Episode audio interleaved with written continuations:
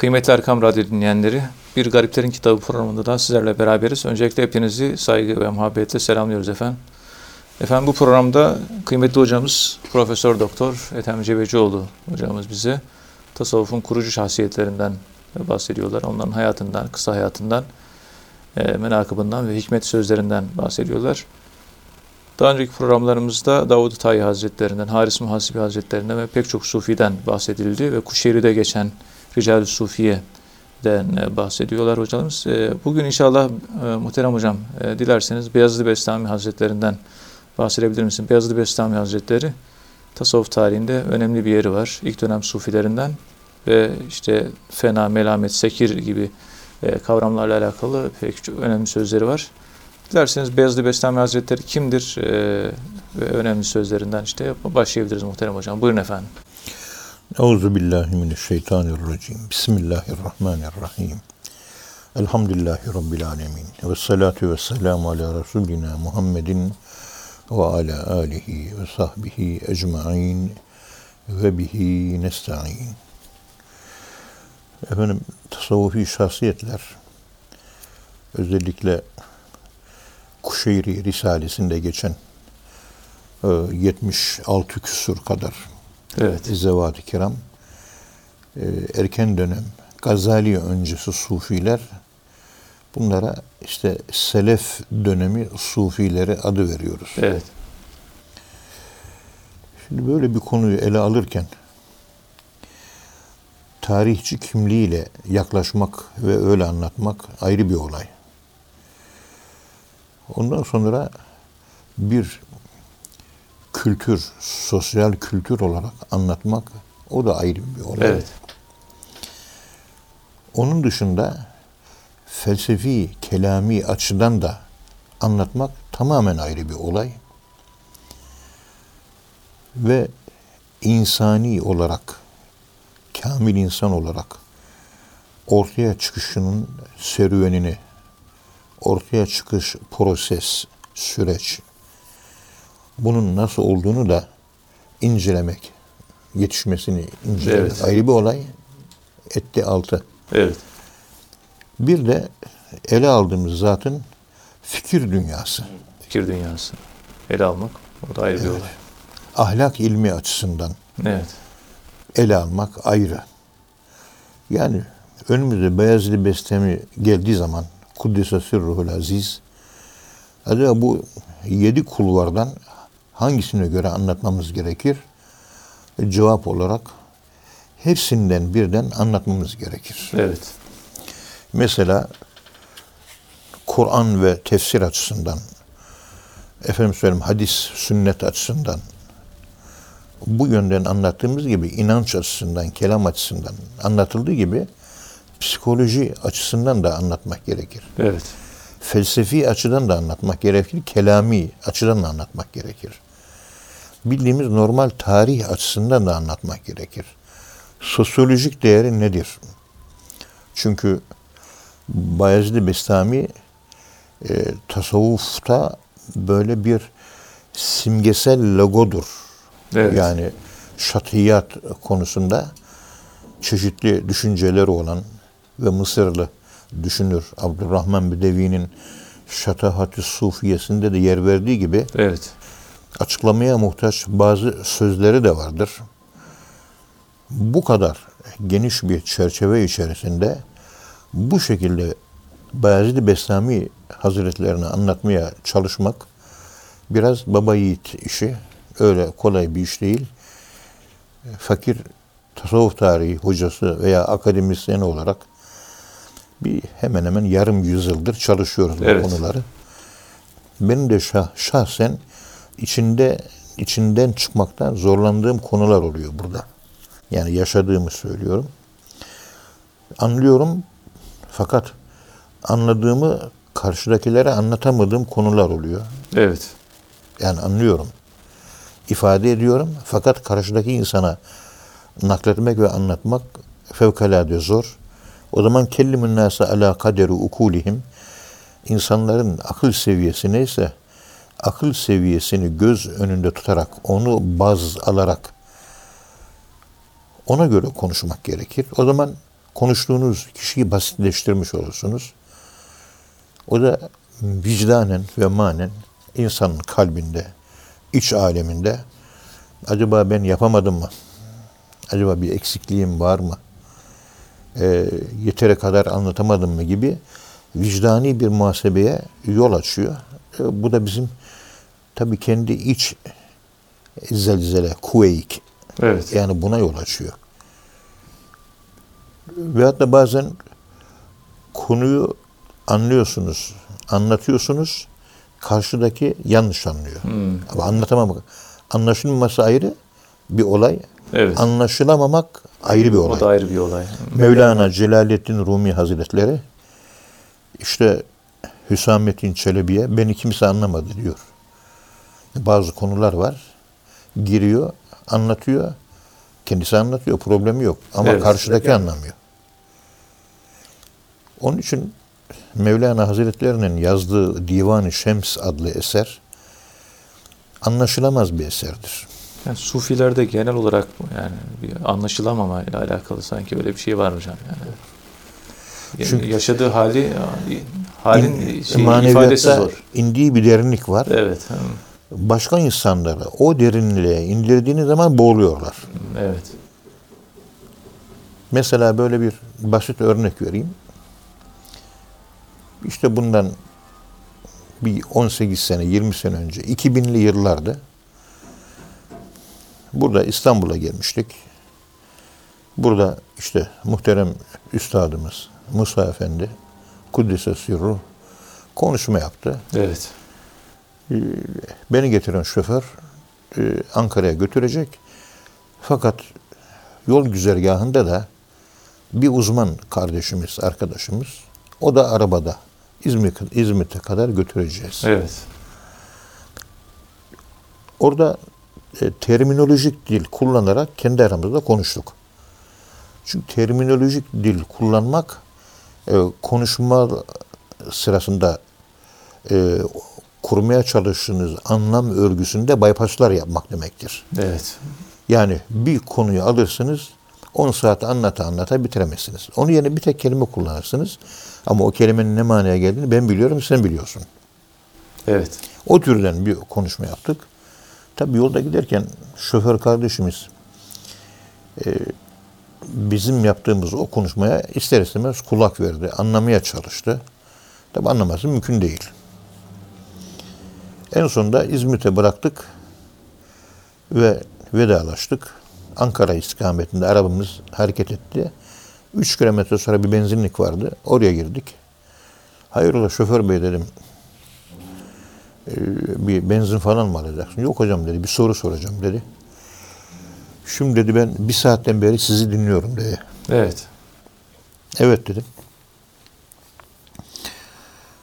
Sizi biliyorum dedi. Yani Ankara'da sohbetinizde 20 yıldan beri bulundum.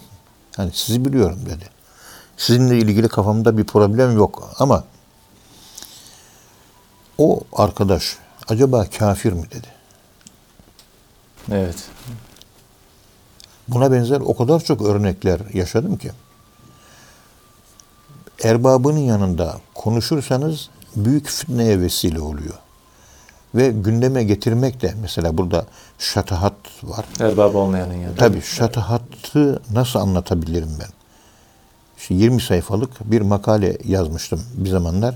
Şatahatın anlamasıyla ilgili. evet, o- Uzun bir şey yazmıştım. Apayrı bir konu yani. Ayrı bir konu. Tabii. Sanki rüyayı tabir ediyor gibi. Yani rüyaların kozmik dili olduğu gibi şatahatın da kozmik bir dili var. Evet. Rüyadaki tevil dili ile şatahatta kullandığınız tevil dili aynı dil değil. Benziyor ama aynı değil. Evet. Bunları alamele innas insanların önünde konuşmak dinleyenlere ihanettir. Bir de tam anlatamazsanız o sözleri söyleyenlere de bir ihanettir. Evet.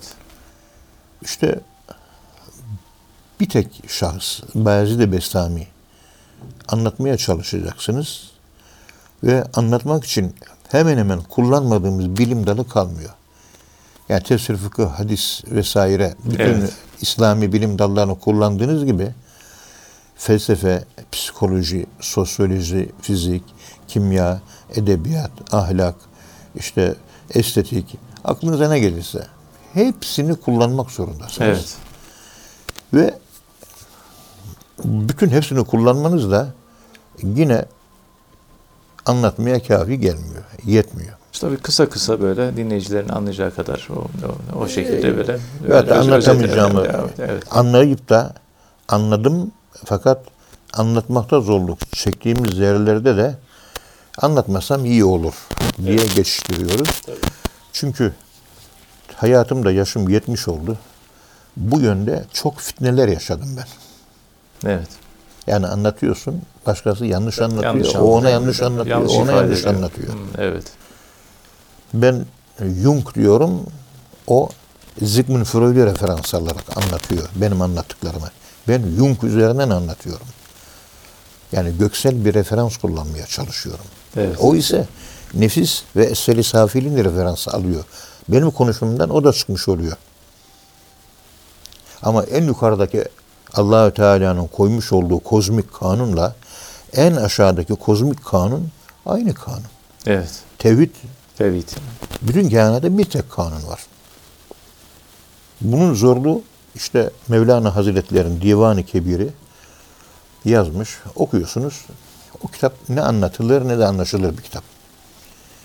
Yani Mevlana sevdiği Şems Tebriz'den etkilenerek onun ateşiyle Evet. döktüğü iç alemidir. Derin bir alemdir. Anlamak mümkün değildir. Onun için o Divan-ı Şems'i Türkiye'de okuyorlar ve Divan-ı Şems'i e, şerh ediyorlar.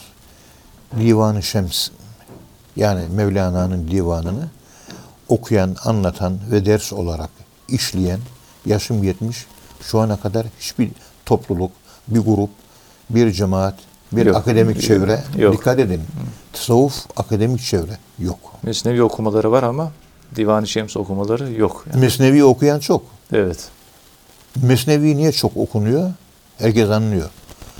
Divan-ı Kebir'i kimse okumuyor. Niye? Kimse anlamıyor. Evet. Anlamadığı şey de sıkıyor. Ancak şu kadar okuyorsunuz. Şiir güzel, Mevlana Hazretleri, Divan-ı Şems'te okuyorsunuz. Ruhunuz etkileniyor. Ruhunuz duyuyor. Ruhunuz anlıyor, ruhunuz yaşıyor. Dinleniyor yani. Ama akıl anlamıyor. Evet. Aklın ötesinde bir şey konuşuluyor. Maveradan gelen bir soluk, ötelerden gelen, akıl ötesi alemden, zaman ve mekanın durduğu yerden gelen ifadeler ve denizin en dibinde ki böyle cevherler, mücevherler ancak yukarı böyle küçük küçük su kabarcıklar çıkıyor. Şerh edenler de o kabarcıkları ancak şerh ederlerse Evet. şerh ederler. Kolay değil. Ee, insanların işte yüzde doksanı avamdır. Evet. Jean-Paul Sartre bu avam, bu çoğunluk kalabalıklar dokanmayın bunlara. Tedavi kabul etmez, hastadır bunlar diyor. Yani akıl seviyesi, entelektüel kuantisi 80 yaşında bir adam görüyorsunuz.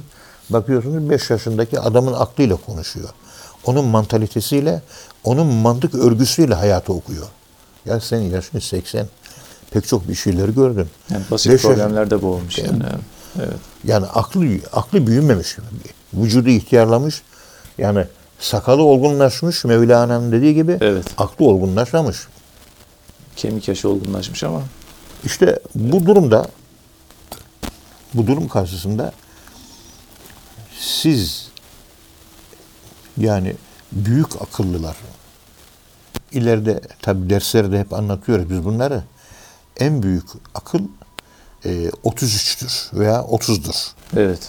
Onun için cennette insanlar akılları ölçüsünde mertebe alacaklardır diyor. O da 33 yaş oluyor. Ve ahirette de cennette de işte 33 yaşında, 30 yaşında öyle dirileceğiz. Evet. Yani aklın en yüksek seviyesi o.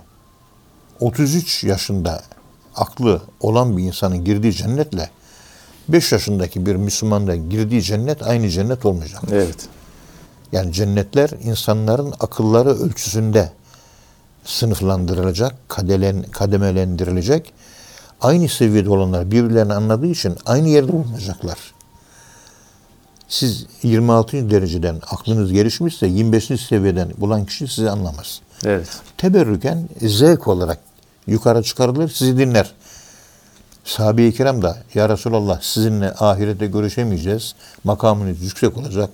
Biz de Allah lütfederse cennete girersek derecemiz aşağıda olacak. Senin o derecelerini çıkamadığımız için senden mahrum kalacak deyince hayır diyorum benim e, bulunduğum yere sizi çıkaracaklar. Sohbet edeceğiz, dinleyeceksiniz diyor. Evet. Ama misafireten. Sürekli değil yani. Evet. Zaman zaman gidilecek, dinleyecek ve o hal, o meşrep, o yapı, o vakt, o dem ne ise yaşanacak, hissedeceğiz. Ama bu dünyada o olgunluğu elde eden insan ahirette misafireten o makamların tadına bakacak. Evet. Sürekli olmamak kaydı şartıyla. Yani anla- anlatmak istediğim husus şu. Konu böyle daha derinlere de inecek şekilde devam ediyor, gidiyor aşağı. Evet. Masonlarda biliyorsunuz derece 13 33 diyoruz. 33. Farmasonların en büyüğü 33 derecedir. İşte farmasonluk da kök itibariyle eski Mısır'dan gelmektir. Masonluk eski Mısır'dan geliyor. Eski Mısır'a da Hazreti İdris'ten geliyor. Hazreti İdris de bir peygamber. Evet. Bu nasıl bizde cennet yaşı, akıl yaşı 30 olarak değerlendiriliyorsa 30-33 Hazreti İdris de gökten vahiy alan peygamber. O da 33 demiş. Peygamberimizin hadis-i şerifinin dışında bir şey söylememiş. Evet. Yahudiler o hikmetten haberler olduğu için maneviyatta o yöndeki açılımlarını o insanın en yüksek te- tekamüle ermiş olduğu, en büyük fazilete erdiği ki en büyük akıldır o, 33 demişlerdir. Ama şu andaki masonluk o Hazreti İdris Aleyhisselam'dan intikal eden o olgunlukla efendim söyleyeyim o faziletle faziletlenmiş insanlar mıdır? O tartışılabilir. Evet. Ayrı bir şey. Biz çünkü faziletin ölçüsünü kul innel fadle biyedillah yu'tihi men yeşâ. Fazilet Allah'ın elindedir. Fazileti istediğine istediği kadar verir. Dilediğine verir yani. Yani kesbi yönü var ama kökte vehbidir. Verir veya vermeyebilir. Evet. Bilemezsiniz. Bir Beyazlı Bestami'yi şimdi anlatmaya kalkırsak İnşallah. ben Beyazlı Bestami'nin neresinden başlayacağım? Hocam programımızın birinci bölümünün sonuna geldik de dilerseniz ikinci bölümde e, devam edelim. E, Evet. kıy- Kıymetli dinleyenler programımızın birinci bölümünün sonuna geldik. İkinci bölümde inşallah tekrar birlikte olacağız. Efendim şimdi kısa bir ara. huzur bulacağınız ve huzurla dinleyeceğiniz bir frekans. Erkam Radyo, Kalbin Sesi. Kıymetli dinleyenler programımızın ikinci bölümünde tekrar birlikteyiz. Muhterem hocam e, birinci bölümde Beyazıt Bestami Hazretleri'nin işte aşama aşama farklı alanlarla irtibat kurularak anlatılabileceğinden bahsetmiştiniz. Dilerseniz e, kaldığımız yerden devam edebiliriz hocam. Yani Sekir e, ekolünü daha çok temsil eden bir sufi Beyazıt Bestami Hazretleri. Yani Beyazıt Bestami Hazretleri kimdir? Buyurun efendim. Bismillahirrahmanirrahim. Elhamdülillahi Rabbil alemin. Ve salatu ve selamu ala Resulina Muhammedin ve ala alihi ve sahbihi ecma'in ve bihi nesta'in. Programın birinci bölümünde e, dil problemini Evet. anlatmıştım. Dil problemi. Yani Mevlana'nın kendisinin anlaşılamadığından bahsetmesi. E, Bayezid Bestami'nin bazı sözlerinin anlaşılamaması. Anlaşılamamış. Sufiye'den bu türden e, üst katman ifadeler, fikirler, düşünceler, kavramlar, anlatımlar ortaya çıkması. Bizzat tasavvuf üzerinde yarım asırdan beri çalışan birisi olarak aynı durumla ben de bizzat yüz yüze geldiğim için bu konunun e, biraz vulnerable diyorlar. Yani incinebilir, hassas, Kırılgan. Kırılgan, münfail öyle bir yapısı var. Evet. Ee, o cihetten ele alınarak e, böyle bir elimizde yumurta sepeti var da kırmamaya çalışmak gibi bir şey oluyor. Ama bu bir hakikat dilidir. Bu hakikat dilinin bütün insanlığa ulaştırılması lazım. O da bu yüksek manayı derece derece aşağıya indire indire indire indire. Evet. Buna tabi langaj problemi adı veriliyor. Dil problemi. Sufiler de kendi aralarında anlaşmak için terminoloji oluşturdular. Ve o uzun uzun anlatılacak şeyleri kısaca bir iki kelimeyle geçiştirdiler. Anlıyorlardı çünkü. Ve çünkü onu hal olarak yaşıyorlardı Evet. anlıyorlarsa ve hal olarak yaşıyorlarsa bu onlara yetiyordu.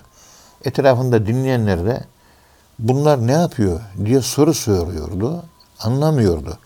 O taksi şoförünün bana söylediği gibi. Anlamıyor çünkü. Evet. İki kişi arasında sır gibi adeta yani. Ee, Sır gibi açmak istemiyor. Herkesin Evet. bilmesine de gerek, yok. Gerek yok. Ha. Yani biz normal bir imanı elde edelim. Son nefeste de imanla ölelim. Cennete girelim. Allah'ın cemalini görelim. Hedef Allah cennete girmek de değil. Cennete Allah'a kavuşmak. Evet. Men kâne yuridu liqâ'e rabbihi felyamel amelen salihan ve la yüşrik bi ibadeti rabbihi ehada. Olay bu. Evet. Bu geniş çerçeve içerisinde e, Bayezid Bestami Hazretleri söylemleri efendim söyleyeyim hayatındaki takva incelikleri ve Kur'an insan oluşu ve hayatının peygamberimize benzeyişi, kendini benzetmeye çalışması, yani kendine model şahsiyet olarak peygamberimize alması şeklini onun şekline benzetmeye çalışması ve iman merdiveninde yukarı katmanlara ve kademelere çıkması Evet. bu gibi e, Bayezid Bestami Hazretlerinin e, kendi hayat öyküsündeki kişisel gelişim tırmanışı var. O Evet. tırmanışları biz e, gücümüz yettiği kadar çözmeye çalışabiliriz ama bir yönden de onun gibi olamadığım için tam olarak çözmemiz mümkün değildir. Yani çözeriz. Hayır. Çözmek değil, çözememek Evet. çözümsüzlükler arasında çözebildiklerimiz. Hepsini çözmek mümkün değil. Burada sözün gücü var. Sözün gücü. O sözün gücünü biz eğer elde edebilirsek konuşulan sözler, konuşulan ifadeler bizim aklımızı ve bilgimizi, altyapımızı, tecrübemizi meydana getiren topluluk yani zihin arka, arka planımız biz farkına varmadan bir anlam formatlaması yapıyor. Evet. O anlam formatlaması ne kadar geniş olursa ona göre anlıyorsunuz. Mesela hiç unutmam lisede Alphonse Dauden'in Altın Beyinli Adam diye böyle bir yazısı vardı makalesi.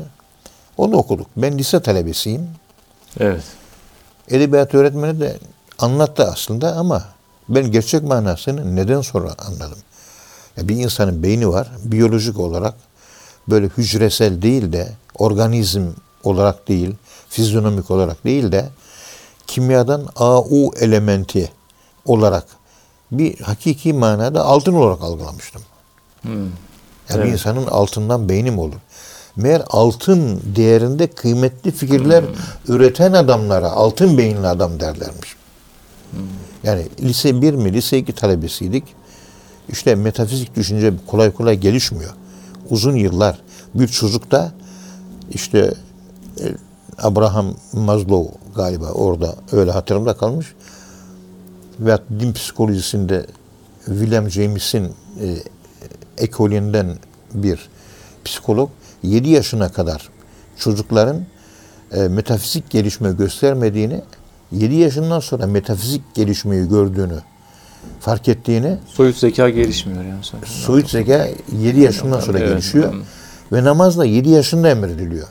7 yaşına kadar çocuk babasını Allah, Allah'ı babası zannedermiş. Evet. 7 yaşında Allah'ın ayrı bir varlık olduğunu, babasının da ayrı bir varlık olduğunu fark edermiş. Peygamberimiz de muru evladüküm bis salati inde seb'in. 7 yaşında çocuğunuzu namaza emredin diyor. Evet. Soyutu somuttan ayırmaya başladığı zaman fizik olanı metafizik olandan ayırmaya başladıktan itibaren namazın emredilmesi hususunu ve bu yönüyle namazın yetişkinler tarafından bir daha düşünülmesi gerektiğini nazara vermek istiyorum Evet. ve düşünmeye davet ediyorum. Çünkü çoğu insanların kıldığı namaz 7 yaşından önceki 6, 5, 4 entelektüel kuantiti zeka yaşı ve hatta mana verebilme yaşı 50 yaşında adam 5 yaşında çocuğun namazını kılıyor. Hızlı namaz kılıyor. Namazda para düşünüyor. Namazda dünyevi şeyler düşünüyor. Namazda her şey var. Namazda bir tek Allah yok. Allah yok. 7 yaşından önce kıldırırsanız olurmuş bu. Evet. 60 yaşında, 70 yaşındaki adamlar bu namazı kılamıyor ki. Demek ki zeka yaşı 7'den daha küçük namaz kılanların. İmam Rabbani bu yüzden namazda neyi düşünüyorsan ona tapıyorsun diye ibare kullanmış. Evet. Bunları düşünmek lazım.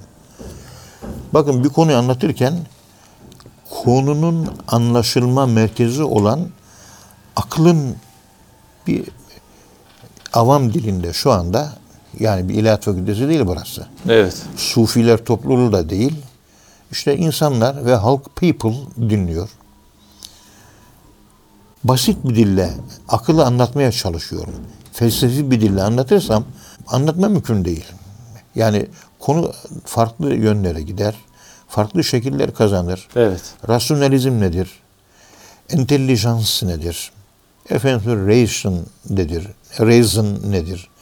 Ve hatta buna bağlı bir takım pek çok anlatılması gereken kavramlar var. O kavramlar da boğulduğunuz zaman olmuyor. Ama bir sufi yani aklı aydınlanmış bir insanın hayat tarzı, hayat stili, hayat biçimi acaba nasıl?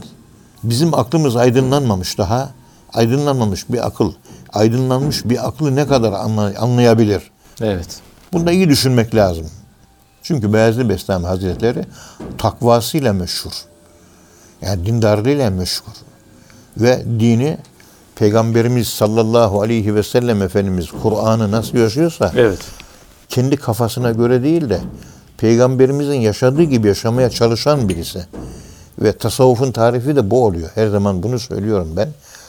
Ee, çeşitli toplantılarda, çeşitli meclislerde tasavvufun tarifi şudur. Kur'an-ı Kerim'i peygamberimizin yaşadığı gibi yaşamaya çalışmaktır. Kendi anladığım gibi yaşamak değil. Peygamber Efendimizin Bizim yaşadığı gibi iddiamız yaşamaya çalışmak. Peygamberimizin Kur'an-ı Kerim'i en iyi anlayan insan olduğu şeklindedir. İddiamız bizim bu.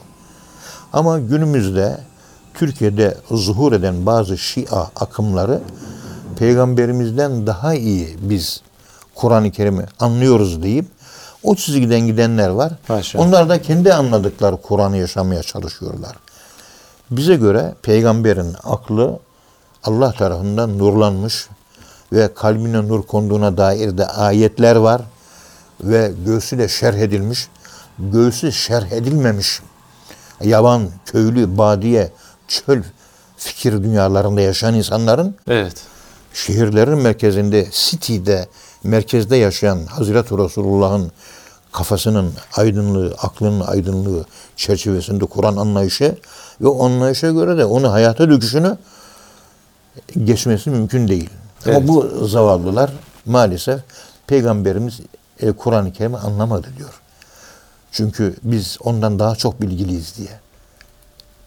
Çok bilgiliymişler ve sahabeye hakaret ediyorlar. Ve peygamberimizin anladığı İslam'ın peşinde değil ki 58 tane Kur'an-ı Kerim'de emir var. Kur'an-ı Kerim anlaşılması konusunda peygamber referansı üzerinden gidilmesi gerektiğine dair 58 tane ayet olduğu halde. Yok. Ve Kend- bu fikirler yaygınlaşıyor. Kendi aklını daha üstün görüyor yani. Kendi aklını peygamber aklından daha üstün görüyor. Haşa. Kendi aklına bakıyorsun. Tamamen seküler bir akıl. Tamamen paracı. Tamamen dünyacı. Aydınlan- tamamen materyalistik. Tamamen şöhret peşinde koşan. Bir yerlere piyon olan. Bir yerlerinin kullandığı ve efendime söyleyeyim e, dik duruşlu olmayan, riyakar, yukarıdan aşağı kibir kokan ve büyüklük taslayan, allamelik taslayan ve bunlarla da hiçbir alakası olmayan verdiği ayete 50 tane verdiği ayet manası ve ayetlere verdiği manada 50 tane hatası olan yaptığı tercümelerde de bir sürü hata bulunan ve Yani- bunu duyduğunda, duyduğu zaman da utanmayan tipler var. Yani ilim olarak da zayıf yani. İlim yok yani. ortada. Akıl, İlim yok. akıl olarak Yok. da zayıf maalesef yani. Yok. Evet. Yani e, bir yerlerde kullanılan insanlar. Evet, Yani maalesef. Allah selamet versin. Maalesef. Evet. Biz onlara e, Türkiye Anadolu Müslümanlar olarak e, 1100 yıldan beri İslamiyet'i kabul eden, hatta 1200 yıldan beri İslamiyet'i kabul eden, içselleştiren, özneleştiren, her bir karış toprağında şehitler bulunan ve Alperenler, Erenler, Allah dostları, Horasan erleri, onların bulunduğu bir coğrafyada olan ve manevi aydınlanmanın ne manaya geldiğini bilen Mevlana'nın dizeleriyle, Mevlana'nın ve Yunus Emre'nin fikirleriyle büyüyen ve o ruha e, samimi ve yakın olan insanların bulunduğu bir coğrafyada bu şekilde ayrık otlarının yetişmesi, dikenlerin yetişmesi fevkalade üzücü bir şey. Evet. Yani bir kısmı bakıyorsunuz İslam'ın çöl yorumu selefilikle geliyor. İslam'ın çöl yorumu. Bedevi. Kur'an-ı Kerim'de bedeviler pek iyi anlatılmıyor. Evet.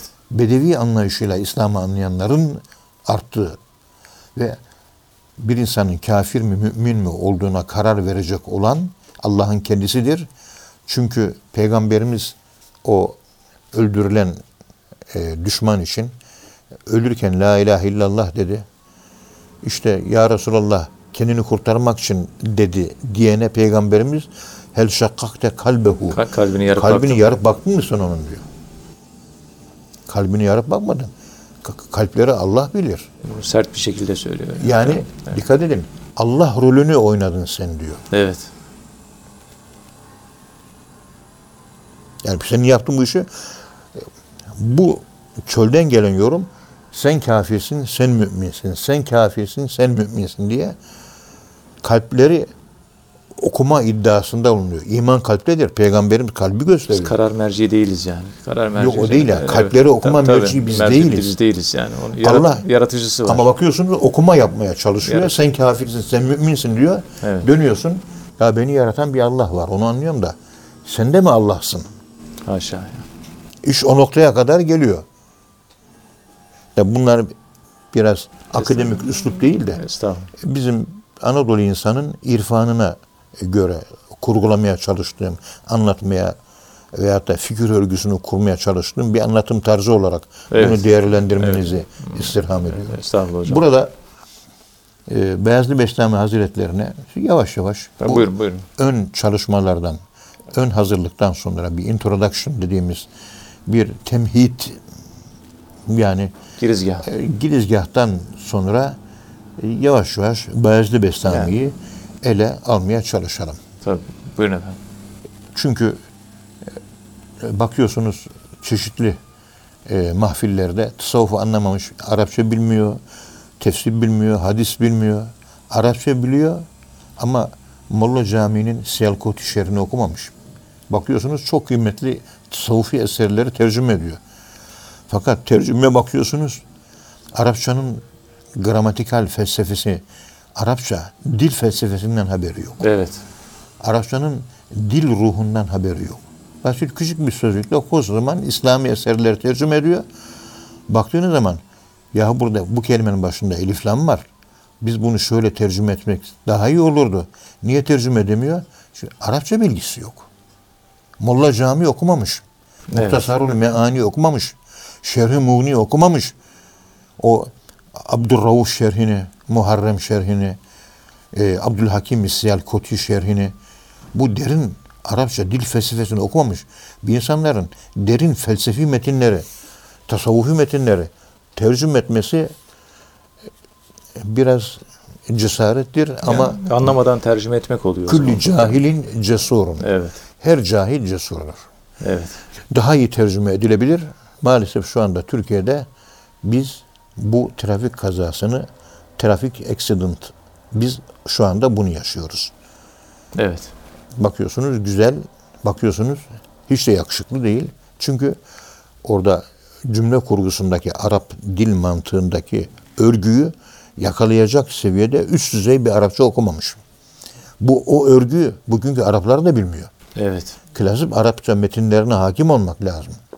Yani hiç çevirmemektense yine çevirmek faydalı olur gibi. diye Evet, biz yani evet. çevirin arkadaşlar Evet, evet, iyi evet. oluyor diye Yani çünkü Arapça bilmeyen fay- faydalı olur Evet. şeklinde. Fakat e, eksik tercüme. Eksik olabilir. Evet. evet. Yanlış değil, eksik. Yanlış ayrı bir şey. Kategori yani eksik olabilir. ayrı. Yani kemale ermemiş ham tercümelerdir. Ama ham tercümeler de pek çok insanın ufkunu aşabilecek seviyede feyiz verebilecek bir Yani- kalitede olduğuna ben inandığım Pek çok için insan eserle buluşmasını sağlıyor yani neticede. zaten İslam kültürünün sıçrama yapmış olduğu o Evet. Hicri 2. yüzyıldan itibaren Evet. tercüme e, faaliyetleriyle beraber e, İslam toplumunun bir altın çağ yaşadığını görüyoruz. Evet. Mesela Kindi aslında bir filozof değildir. Kindi Arapçaya tercüme edilen eski Yunan eserlerinin Arapçaları doğru mu yanlış mı diye doğruluğun yanlışını tetkik eden bir musahihtir. Sahih. E, Baktın ondan sonra karşımıza Kindi bir İslam filozofu olarak gözüküyor. Öyle bir şey söz konusu değil. Ama felsefeyle uğraşa, uğraşa, uğraşa Okuyor okuyor. Doğru. zaman hakkında, mekan hakkında, araz hakkında, cevher hakkında, alem hakkında görüşleri felsefi düşünceler doğrusunda oluşması münasebetiyle felsefeci denmiştir. Evet. Aslında bir mütercim ve bir musahhihtir. Evet. Ama dikkat edin bir mütercim musahih gibi gözüken elkindiğinin dahi İslam felsefesinde ses getirebilecek fikir örgüsüne sahip olması ve düşünce dünyasında zenginliğe sahip olması ve karşısındaki insanları düşündürmesi ve kendisi belli bir fikri seviye ve belli bir fikri platforma yükselmesi o zamanki yani insan yani kültürle uğraşan kültür insanların kültür seviyesinin yüksekliğini gösteriyor. Evet. Bana göre kendi felsefecidir. Ben öyle telak görüyorum. Evet. Yani şimdi bu dönemde de aynı şekilde bu eserler tercüme edilirken o satır aralarındaki o anlam boşluklarını nasıl dolduracağız? Mesela ateynahül kitabe vel hikmete. Ey Muhammed biz sana kitabı Kur'an'ı verdik. Kur'an'ı verdik bir de hikmet verdik. E burada vav var. Evet. Ve Vav mavi mahiyet. Kitaplı, kitabın beraberinde kitapta hikmet de var. Kitabın, Kur'an'ın kendisi bizzat hikmettir. Sen okumasını yapıyorsun. Evet. Hikmet ortada yok. Kur'an okuması yapıyorsun. Ki Kur'an okuması da bugün Türkiye'de yapılmıyor. Kur'an okumaları yapıyoruz efendim. Okumak demek kalple alakalı bir keyfiyettir. Peygamberimize ikra dendiği zaman eline bir kağıt verildi. Kağıt okuyor değildi. Metin yok yani orada. Metini yok. O zaman elinde kağıt metin olmayan neyi okuyacak? İşte Diyanet'in yayınladığı sahih hadislerde anlatıyor. Kalbime manayı indirirdi. Tekrar ederdim onları diyor. Ve ondan sonra tam ezberlemiş olduğum anda o zaman Cebrail benden ayrılır diyor. Vahiy biterdi diyor. Evet. Demek ki bir mananın kalpte tekrarı var. Peygamberimizin onu alması var. Onu ezberine alması var. Evet. Alması ve ezberine yerleştirmesi var. Tam bir sağlam yerleştikten sonra Cebrail'in ayrılması var. Vahyin gelişi. Vahyin yani. biri Evet. sahih. Diyanet İşleri Başkanlığı'nın yayınladığı son sahih hadis kitaplarında bunlar var. Buhari'de, Müslüm'de bunlar anlatılıyor. Evet. Vahiy bölümünde anlatılıyor. Evet hocam. İşte okumak deyince, biz Kur'an okuması yapıyoruz deyince satır okumak ona tilavet derler. Kelimelere mana veriyor. Kelimeler üzerinde demagoji yapıyorlar bugün. Evet. televizyona çıkıyor, demagoji yapıyor. O İzâ câe nasrullâhi vel fethu ve râyeten nâsi yedhulûne fî dinillâhi efvâca. O izâ neyi gösteriyor? Doktora dersinde o İzâ câe nasrullâhi vel fethunun izanın Fetih su şey e, Nasır suresinde ifade ettiği mana nedir? İz, zaman iza. dikeyi. Hmm. Dikkat edin. Ayet zaman dikeyiyle başlıyor. Mekan yataysallığıyla değil. Dikey anlamlaya başlıyor. Evet. Sırf bununla ilgili sadece bir izahı inanın iki saatte ancak bitirebildim. Ve Evet. anlatabildiğimi de zannetmiyorum. Estağfurullah. Zaman referansı kullanılan Evet. Kur'an ayetlerinin e, mekan referansı kullanılan ayetlerle aynı şekilde tefsir edilmemesi gerektiği ve her ayetin bir kafeten geldiği için o özelliği var. Kaplayıcılık özelliği var. Aynı ayet benim nefsime de hitap ediyor. Evet. Bedeni, cismi yönüme de hitap ediyor. Benim ruhuma da hitap ediyor. Bir mekansallık var, bir zamansallık var. Bunun, bunun ötesinde indiği zaman dilimindeki tarihselliği var ama bizim bugün Gadamerlerin bilmem nelerin anlattığı, o hermeneutikçilerin anlattığı, tarihçelcilerin, Doppler'in anlattığı tarihselcilik değil o. Evet. Daha başka bir şey. Kapsayıcılık, insan yapısından kaynaklanan. Bunların tabi kendi içinde değerlendirilirken e, bir bütünlük var. Kainat var, afak var, enfüs, ben varım. Bir de elhak var. Yani Allah var. Allah ben olan insan Bir ve de- kainat var. kainat. Hı. Senürihim ayatina fil afak. Kainat ve fi enfüsihim ve ben. Hatta yedeb ennel hak ve Allah. Bu üçünü beraber bir arada toplayabilecek anlam okuması yapan kişilere bana göre tefsirci adı verilir. Bunu Muhyiddin Arabi çok güzel yapmış. Evet. Kur'an-ı Kerim ayetlerini çok güzel yapmış. Bugünkü okuyanlar sadece insan bedenine ve hatta insan ruhunun şu dış dünyaya açılan aklına yönelik açıklamalar yapmıştır. Peki insan ruhunun bir de Allah'a açılan yönü var. Ona göre bir tefsir yapsana. İşte onu Beyazlı Bestamiler yaptığı için ruhun dünyaya açılan akıl referansını kullananların aynı ruhun Allah'a açılan noktayı Süveyda üzerinden o yönüne ait içsel tefsirini yapanları anlayamamışlardır. Ve dışa açılan anlamlar Kur'an çok basittir ve tefsirlerin bu yöndeki basitliği hep aklı tatmin etmektedir. Kalbi tatmin edilecek manada ve iç alemimizi nurlandıracak, esas hidayetin merkezini canlandıracak, aşk doğuracak o tefsirler o hala kadim irfan gelenine bağlı olarak bizim önümüzde problem halinde bekliyor. Evet. Onun için tasavvufi, irfan, kadim geleneğinin Hazreti İdris'ten beri var. Hazreti Adem, Hazreti Musa Aleyhisselam'da var. İbrahim Aleyhisselam'da var. E, kitap var, hikmet var. Evet. Bu kitabı keşfetmeye çalışıyorsunuz ama hikmetsiz kitap okuyorsunuz. Hikmetsiz kitap benzinsiz araba gibidir. Sizi biraz götürür, ondan sonra yarı yolda bırakır. Evet hocam Allah razı olsun. Kıymetli dinleyenler e, hocamıza çok teşekkür ediyoruz. Efendim bir program daha sonuna geldik. Bir sonraki programda tekrar buluşmak ümidiyle hepinizi Allah'a emanet ediyoruz. Hoşçakalın efendim.